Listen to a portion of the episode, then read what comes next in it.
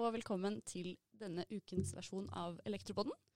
Jeg heter Marie Koldrup og har som vanlig med meg min faste medpodder, Steinar Sjøvik Hanstad. Velkommen. Takk. Dagens tema det er IT-sikkerhet for ledere. Eh, og til å snakke om det, så har vi fått med oss eh, selveste, må jeg vel nesten si, Torgeir Waterhouse. Velkommen. Takk.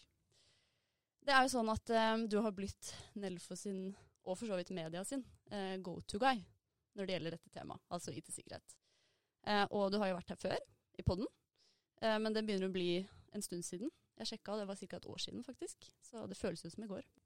Og da var det jo i forbindelse med en veileder som vi har gitt ut til Nelfo, eh, som het 'Introduksjon til IT-sikkerhet for L- og Ekom-installatører'. Eh, så det jeg tenkte vi kunne snakke litt om i dag, er jo hva som har skjedd siden den ble gitt ut, og hva som skjer videre. Og da er det jo fint å ta utgangspunkt i eh, den veilederen. Og eh, da den ble gitt ut eh, for et år siden, så er jeg liksom spent på hvordan mottagelsen har vært. Eh, og det tenkte jeg kanskje du kunne si litt om, Steinar, du som har leda arbeidet fra Nelfo sin side. Ja, først og fremst så er jeg veldig glad for at eh, Torgeir ble med på laget. Fordi det her hadde jeg definitivt ikke, ikke klart selv. Her eh, er jeg helt avhengig av en topp rådgiver, og det har vi definitivt fått i Torgeir. Og veldig mye av det vi har laget, har jo skjedd i skjæringspunktet hvor Torgeir og jeg sitter og snakker sammen, egentlig. Og jeg forsøker å tegne og forklare hvordan elektrobransjen både ser ut og fungerer. og og Torgeir tegner og forklarer hvordan IT-bransjen og IT-sikkerhetsperspektivet skal tas med inni der. Mm. Eh, kanskje første takeawayen på det er at det er veldig mye sånn mellommenneskelige faktorer som må ivaretas. Ikke bare teknikk og hardware og den delen der. Så når vi satte i gang prosjektet, så var det jo liksom det å lage dette startpunktet av den veilederen som du, som du henviser til. Og når vi har vært liksom rundt og holdt webinarer og lansert veilederen, så mottagelsen har vært god, føler jeg. Um, og de setter pris på at vi tar tak i tematikken. Mm. Og så tror jeg det er veldig mange som er litt sånn søkende, for de ser at dette kommer opp i media, og så er det litt sånn OK, hva gjør jeg da? Liksom, jeg driver en bedrift, hvor skal jeg starte henne? Så derfor vi lagde startpunktet, og vi føler at det har blitt tatt, tatt godt imot. Og mitt inntrykk er at de, de lytter um, interessert når de er på webinarer, og vi har også fått en del sånne hva kaller det, confession stories, hvor liksom eh, folk kommer og sier at uh, ja, dette har faktisk skjedd med meg òg. Vi, vi lå nede så og så lenge og kom ikke opp igjen. Og vi har fått ransomware-virus og ja.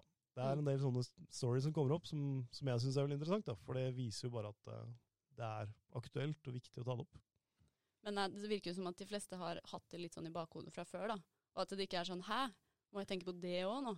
At folk har liksom hatt det litt i bakhodet at det, når man leverer en elektrisk installasjon, så er det faktisk et IT-sikkerhetsaspekt. Mm. Deres inntrykk er at folk var klar over det før dere satte fokus på området? Ja, jeg vil si både klar over, men samtidig litt sånn enten ubevisst eller bevisst faktisk også. Mm. I, ikke klar over likevel. Altså for det, det som er vanskelig med det for mange, er at det er uangripelig. Eller fremstår uangripelig. For det er ikke uangripelig. Det er egentlig ganske greit å, å håndtere det. Hvis man bare begynner nærmest der man er, og så gjør man små steg om gangen, og så jobber man seg i riktig retning. Og så er det sånn at det kan fremstå uangripelig hva som er viktig, hva man skal gjøre noe med. Og så er det litt sånn at for mange så er jo dette feltet det vi gjerne kaller unknown unknown. Mm. Mm. Det inneholder masse som du ikke vet at du ikke vet. Mm. Og, og det gjør at eh, det er lettere å fokusere på det man er vant til å fokusere på. Og de aller fleste har jo ikke noe problem med å fylle tiden sin. Nei. Og da blir den fylt med noe annet, og så ligger dette her litt som en sånn, sånn irriterende dårlig samvittighet eller stein i skoen eller noe sånt. Og så når da veilederen kom, Mm. og vi har hatt samtale med mange, så, og, så, så blir det for noen litt sånn ah, ja, da, da må jeg vel, da. Mm. Jeg visste jo hele tiden at jeg måtte, men nå Mm. må jeg faktisk sånn må, må. Mm. Eh, og så er det noen som begynner. Og så har det jo bl.a. også leda til samtaler og diskusjoner rundt andre behov som ikke er dekt, for det er en introduksjon. Mm. Eh, og eh, både diskusjoner rundt eh, hva betyr det for hvordan man har dialog med kundene sine, hva må man ivareta, det er bare det å se forskjellen på, som du var inne på, det man leverer, men også intern drift, som jo er noe annet. Ja, det er sant. Det er to, to sider av det, ja. Mm. Altså de første tilbakemeldingene vi fikk, det var jo om vi kunne godkjenne produkter. Eller i hvert fall si liksom at dette er trygt og dette er trygt. Ja. Og det kan vi selvfølgelig ikke gjøre. For det er jo ikke Nelfo sin rolle i det hele tatt. Vi skal jo sørge for å få opp kunnskapen og spre på en måte budskapet, men det å gå inn på enkeltløsninger og produkter, det kan vi ikke gjøre. Mm. Og uansett om man gjør det, så fungerer det kanskje i ett miljø, men definitivt ikke i et annet miljø. Så, så det, det har vi selvfølgelig ikke muligheten for. Men en av de tingene som dukket opp veldig tidlig, Torgeir, var dette med dokumentasjon. Altså hvordan kan vi dokumentere det, at vi, vi har gjort så godt vi kan. Mm. Så det, det er et prosjekt vi har, eh, har tatt tak i nå, og kommet ganske langt uh, på.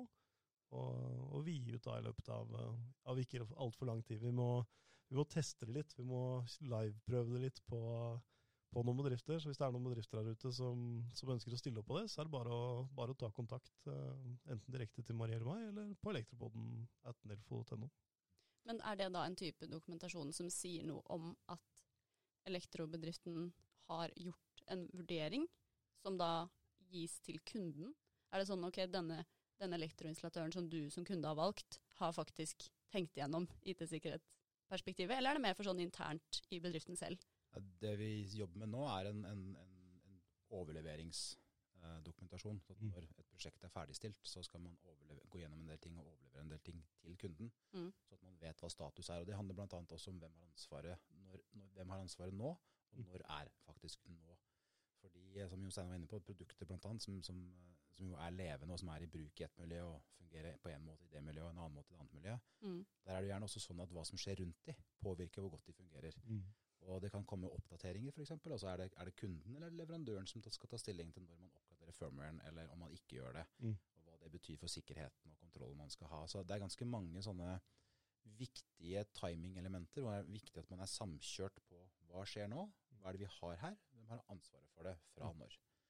Og det inngår i dette. Og så er det sånn at eh, det som handler om det interne i virksomheten, det er, kan man også dele i to, for det, det er det som går på det spesifikke med tanke på fagfeltet man er i, og installasjoner man gjør, og utstyr man bruker i den, det arbeidet osv., prosjektering og mer. Og så er det det som det er likt for alle virksomheter. Mm. Om du har et HR-system, eller et regnskapssystem, eller du har en internettforbindelse, og du har osv. Og, det- Mm. og der er det jo spesielt dette med, som er viktig for lederne, å forstå at de har ansvaret uansett, som det er på alle andre felt. Selv om du har delegert ansvaret for økonomien til en regnskapssjef f.eks., eller en CFO, eller hva man måtte kalle det rundt omkring, Mm. så er det likevel toppledelsen som har ansvaret. Og Sånn er det her også, og det følger en del klare forpliktelser av enten personopplysningsloven, eller det kan være sikkerhetsloven, eller det kan være annet lovverk. Eh, Og så kan det følge forpliktelser av eh, avtaler man har inngått med kundene, Mm. men også forpliktelser til eierne. Mm. Sånn at det er, man skal, for det handler jo også om å ivareta virksomhetens verdier, og være i stand til å ha daglig drift, og være i stand til å utvikle virksomheten, og være i stand til å få virksomheten til å vokse hvis det er et mål.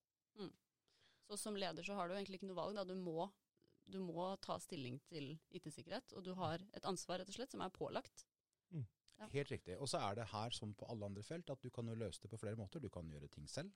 Du Mm. kan delegere til andre i virksomheten. Du kan leie inn noen, eller du kan gjøre kombinasjoner.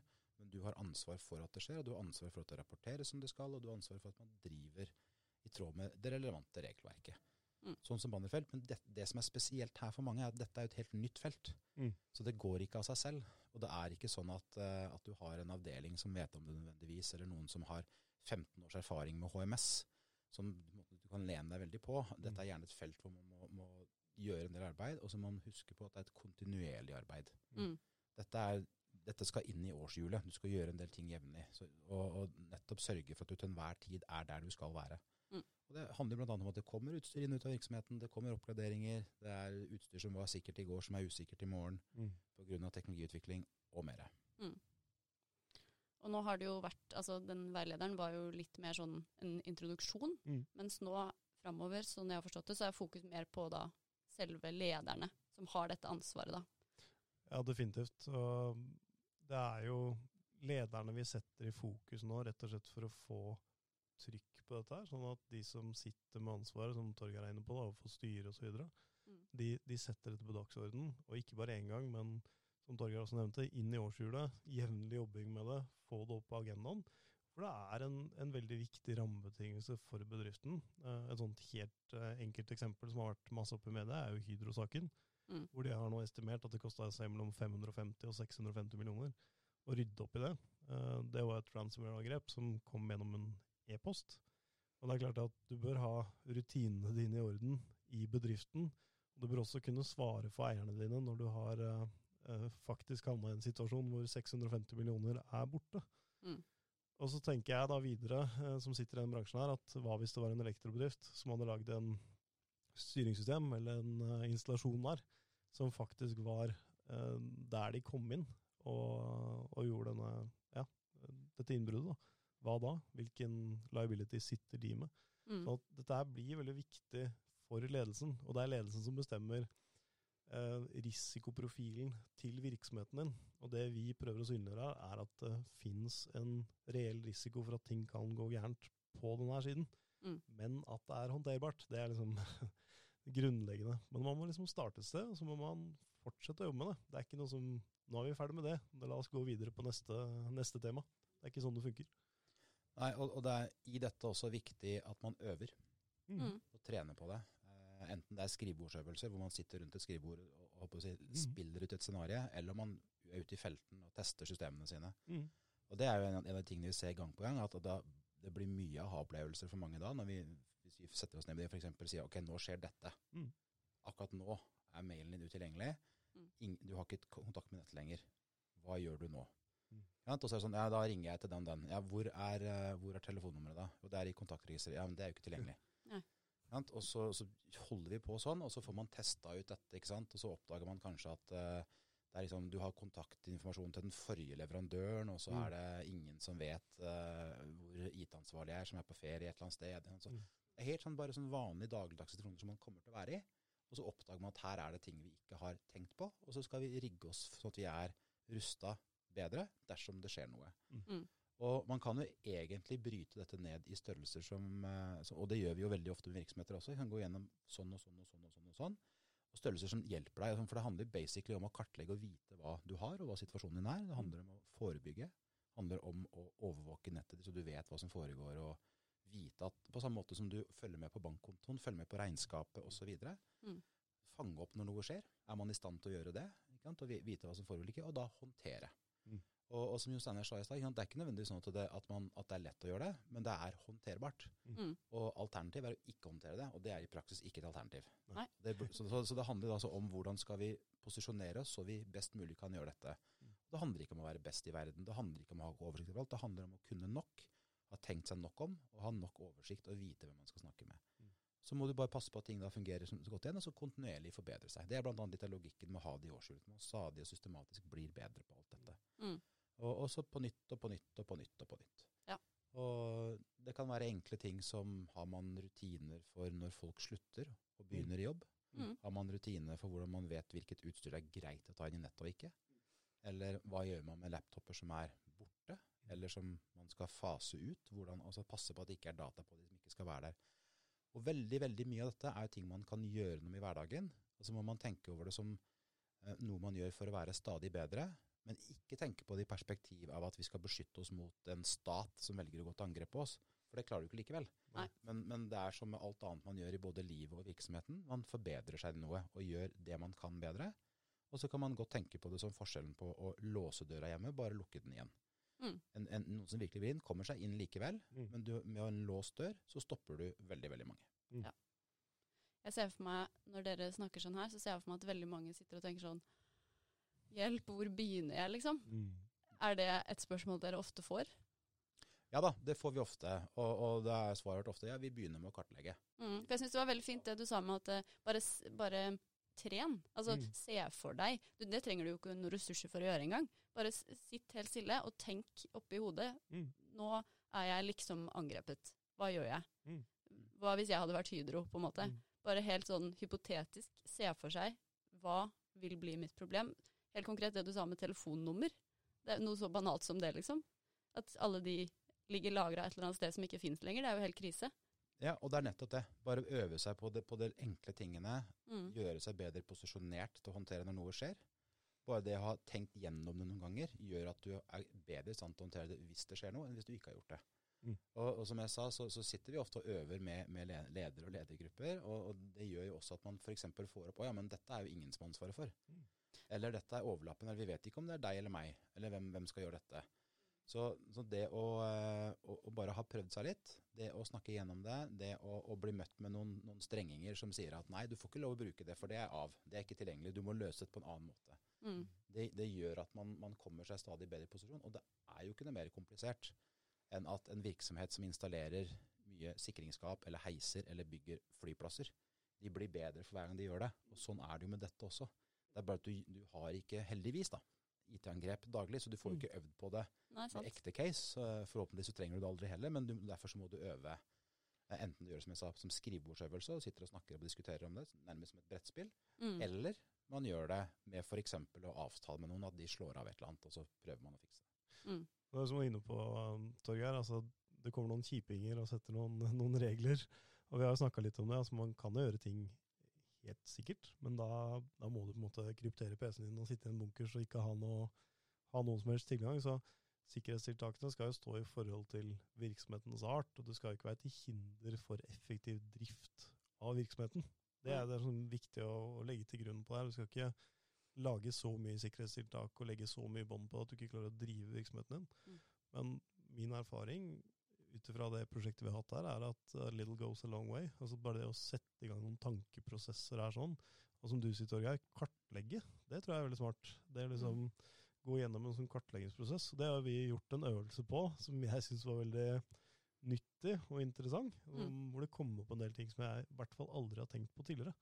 Så få det på bordet, og, og det å øve og trene, som, som du også nevnte, Marie. Mm. Uh, Torgeir har snakka om liksom, hvis du får en reell hendelse, hvem skal de ansatte eh, henvende seg til? Hvis alle går og maser på IT-ansvarlig, så får ikke IT-ansvarlig gjort noen ting. Så det er kanskje lurt at de henvender seg til en annen person, og lar den som skal løse problemet, faktisk får løse problemet. Ja, for de må jo ha fred og ro. Ja, Det er jo, det er de har jo ikke akkurat lite å gjøre da. Og ressurser. Mm, ikke Ja. sant? Ja, Noe av det vi diskuterer en del virksomheter, er okay, men hva er det du trenger å ha på lager? Mm. Ja, det er veldig mange som i hvert fall når vi vokste opp, da. Uh, Jon Steiner og jeg i hvert fall. Litt Mm. usikker. Du er jo vokst opp i den tiden også. oss. Og vi er før fargekledd og du etter.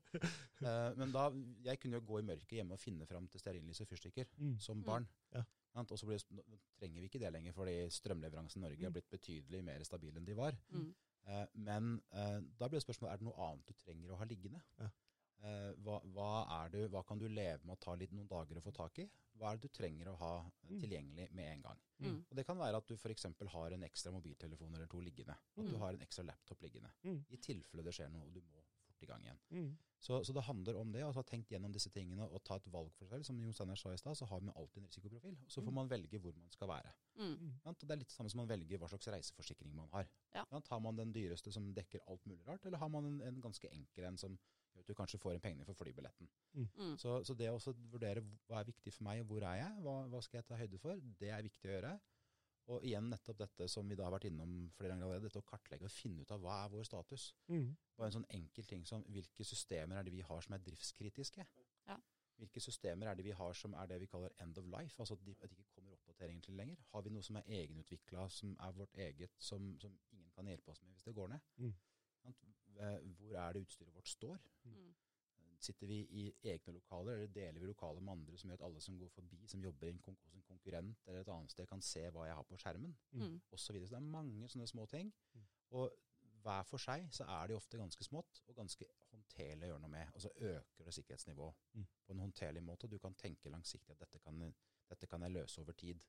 Kanskje har du en del problemer med e-postsystemet ditt, og så kan det være at det fungerer såpass greit likevel at du kan leve med det du likevel bytter det ut, at du ikke du trenger å gjøre masse arbeid på det.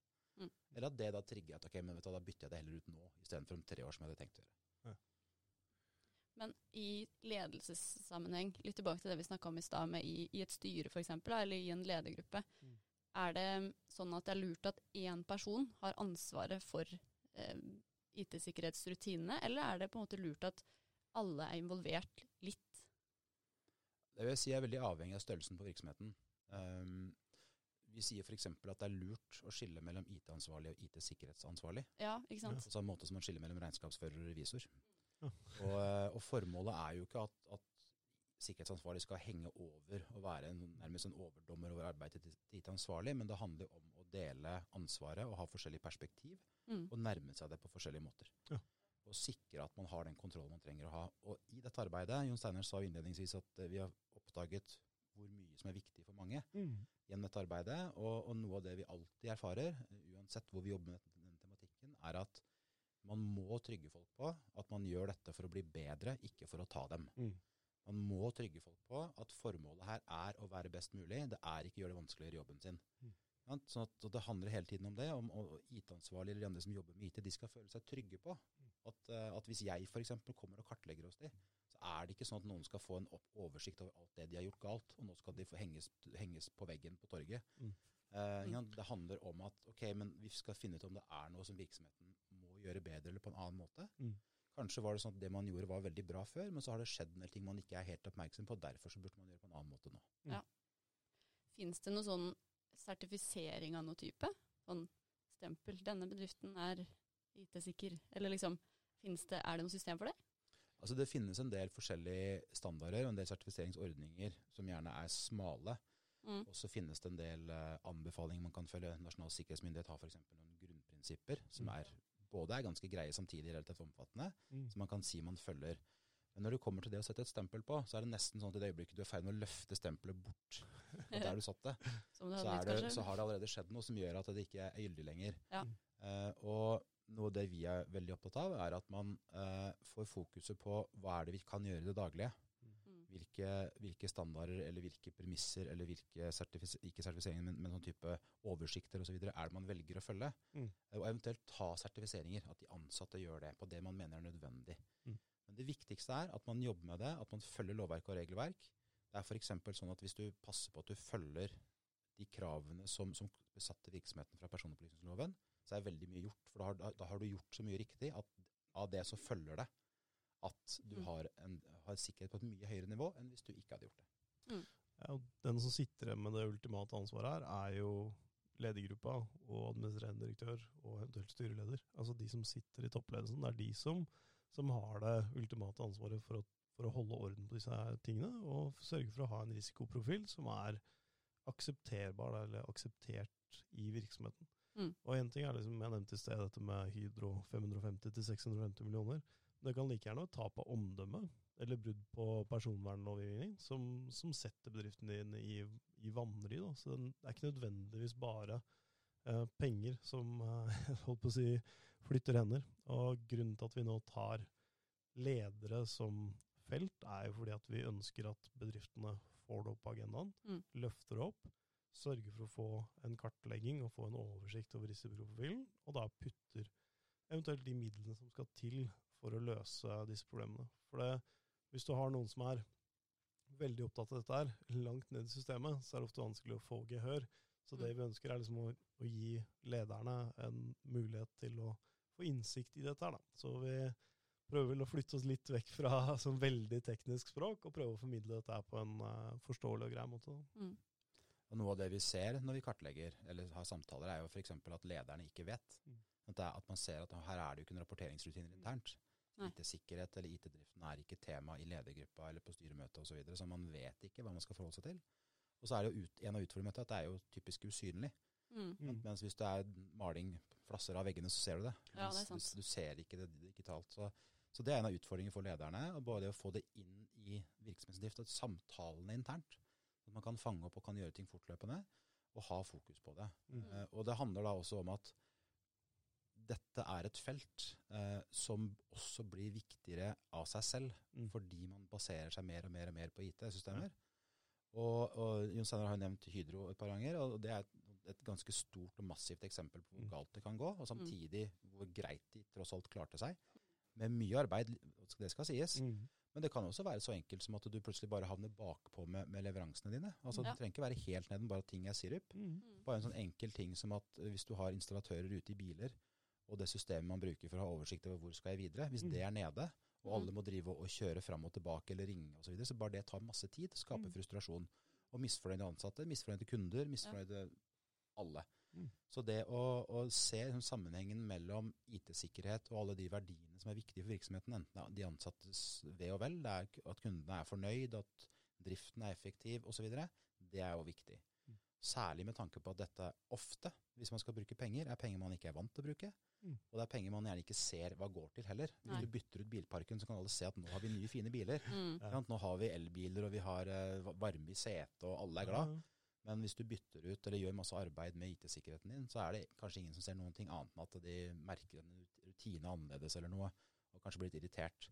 Så det der å, å, å klare å kommunisere det, se sammenhengene mellom det og det som er viktig for virksomheten, og bryte det ned så man klarer å håndtere det, Mm. og vet hvem som har det forskjellige praktiske ansvaret i hverdagen.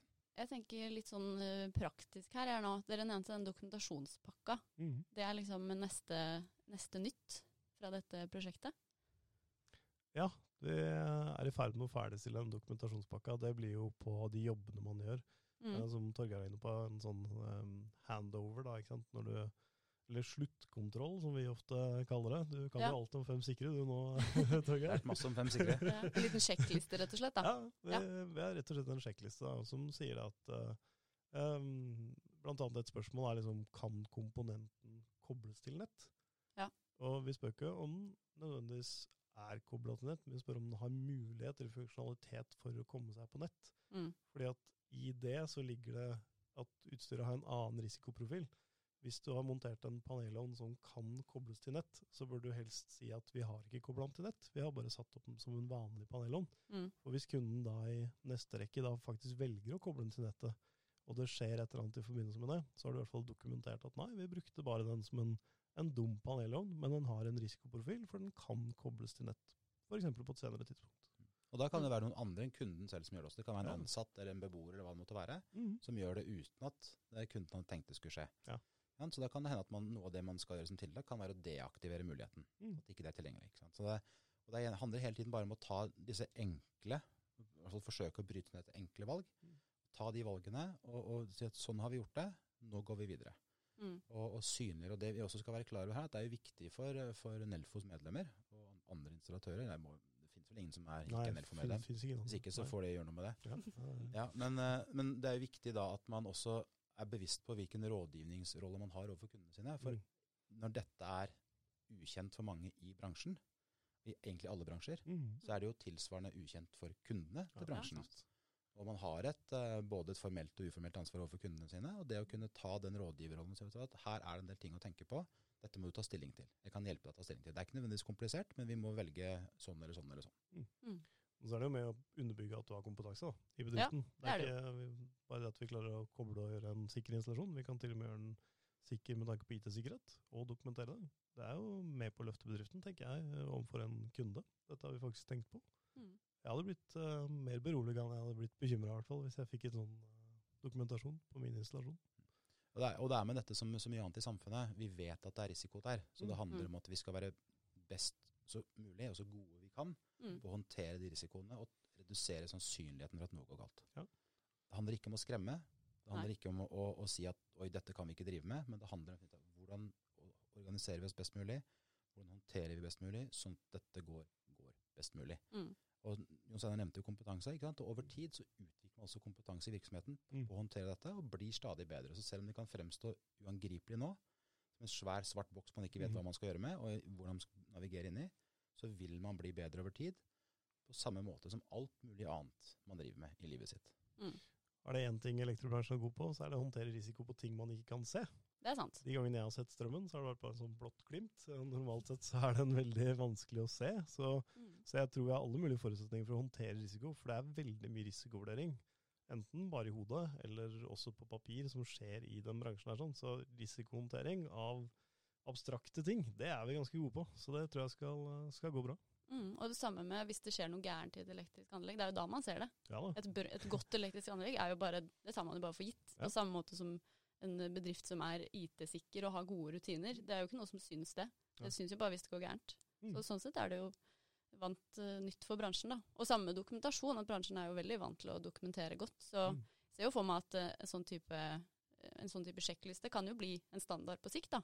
At på samme måte som du leverer eh, vanlig dokumentasjon, så leverer du også kanskje en, en del som går på IT-sikkerhet, kanskje en del som går på miljødeklarasjon etter hvert. Mm. Det kommer jo liksom hele tiden nye aspekter inn. Og da er også i det noe av det vi er opptatt av, det er å finne fram til de kall det sjekkpunktlistene. Mm. som, eh, og, og gruppering av punkter osv. som er dekkende, men ikke mer enn det må være. For poenget er ikke å lage masse dokumentasjon for å ha gjort det. Poenget er å klare å gjøre det nødvendige, som også fungerer til å trigge refleksjon. Mm. Og gjøre både kunden og leverandør trygg på at her har man gjort det man skal, og her man er enige om hva som har skjedd. Mm. Så det, og det kan være noe så enkelt som det panelovnen. Skal den Mm. på nett, eller skal den ikke på nett? Mm. Den er der, men den er ikke på nett. Mm. Det er man enige om. Og hvis da kunden sier at ja, men skulle ikke den være på nett, jo, Mm. da kan man fikse det da. Mm. Eller motsatt, nei, vi vil egentlig ikke ha det på nett, Nei, men da tar vi det av igjen. Mm. Og så starter jo det også en prosess hos den som fyller ut skjema. Altså Du må faktisk Mm. svare ja og nei på om den er på nett, og da kanskje man begynner å tenke sånn hm, Mm. Hva er egentlig konsekvensen av det? At du ved en sånn kanskje litt sånn dum sjekkliste da, som bare er ja og nei, Mm. så setter jo det faktisk i gang en del prosesser da, i Mm. hodet på den som fyller ut. Det er jo sånn her når du, sånn når du sier konsekvenser, at det, man, det, en ting er Murphys law, som de fleste kjenner til, at Mm. det som kan gå galt, vil gå galt. Mm. Og så sa også Murphy at hvis du lar det, gir det anledning til å gjøre det.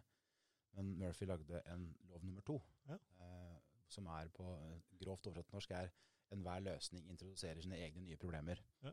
Og Det er også noe vi skal være klar over her, at når vi putter noe, noe IT-messig som er på nett inni i systemet vårt, eller nettet vårt, eller bygget vårt, eller bilen vår, eller hva det måtte være, Mm. så drar det med seg noen, noen konsekvenser som vi må ta høyde for. Mm. Det syns jeg var gode ord å runde av på. Murphys andre lov, altså. Den litt mer ukjente versjonen. Vi er bare kjent med Kirchhoffs andre lov. Ja. husker du den? da? Ja, Jeg husker den, Ja. men eh, den, eh, jeg har ikke så gode minner fra den, jeg. Ja, det det? Nei, uh, fortrenger studietida. Jeg koser meg i arbeidslivet, jeg. Ja. Eller de beregningene der. Nei, men det er bra. Da tror jeg vi bare runder av for i dag og sier tusen takk til deg, Torgeir, for at du stilte opp. Takk skal dere ha. Og tusen takk til deg som hørte på. Ha det bra. Ha det bra.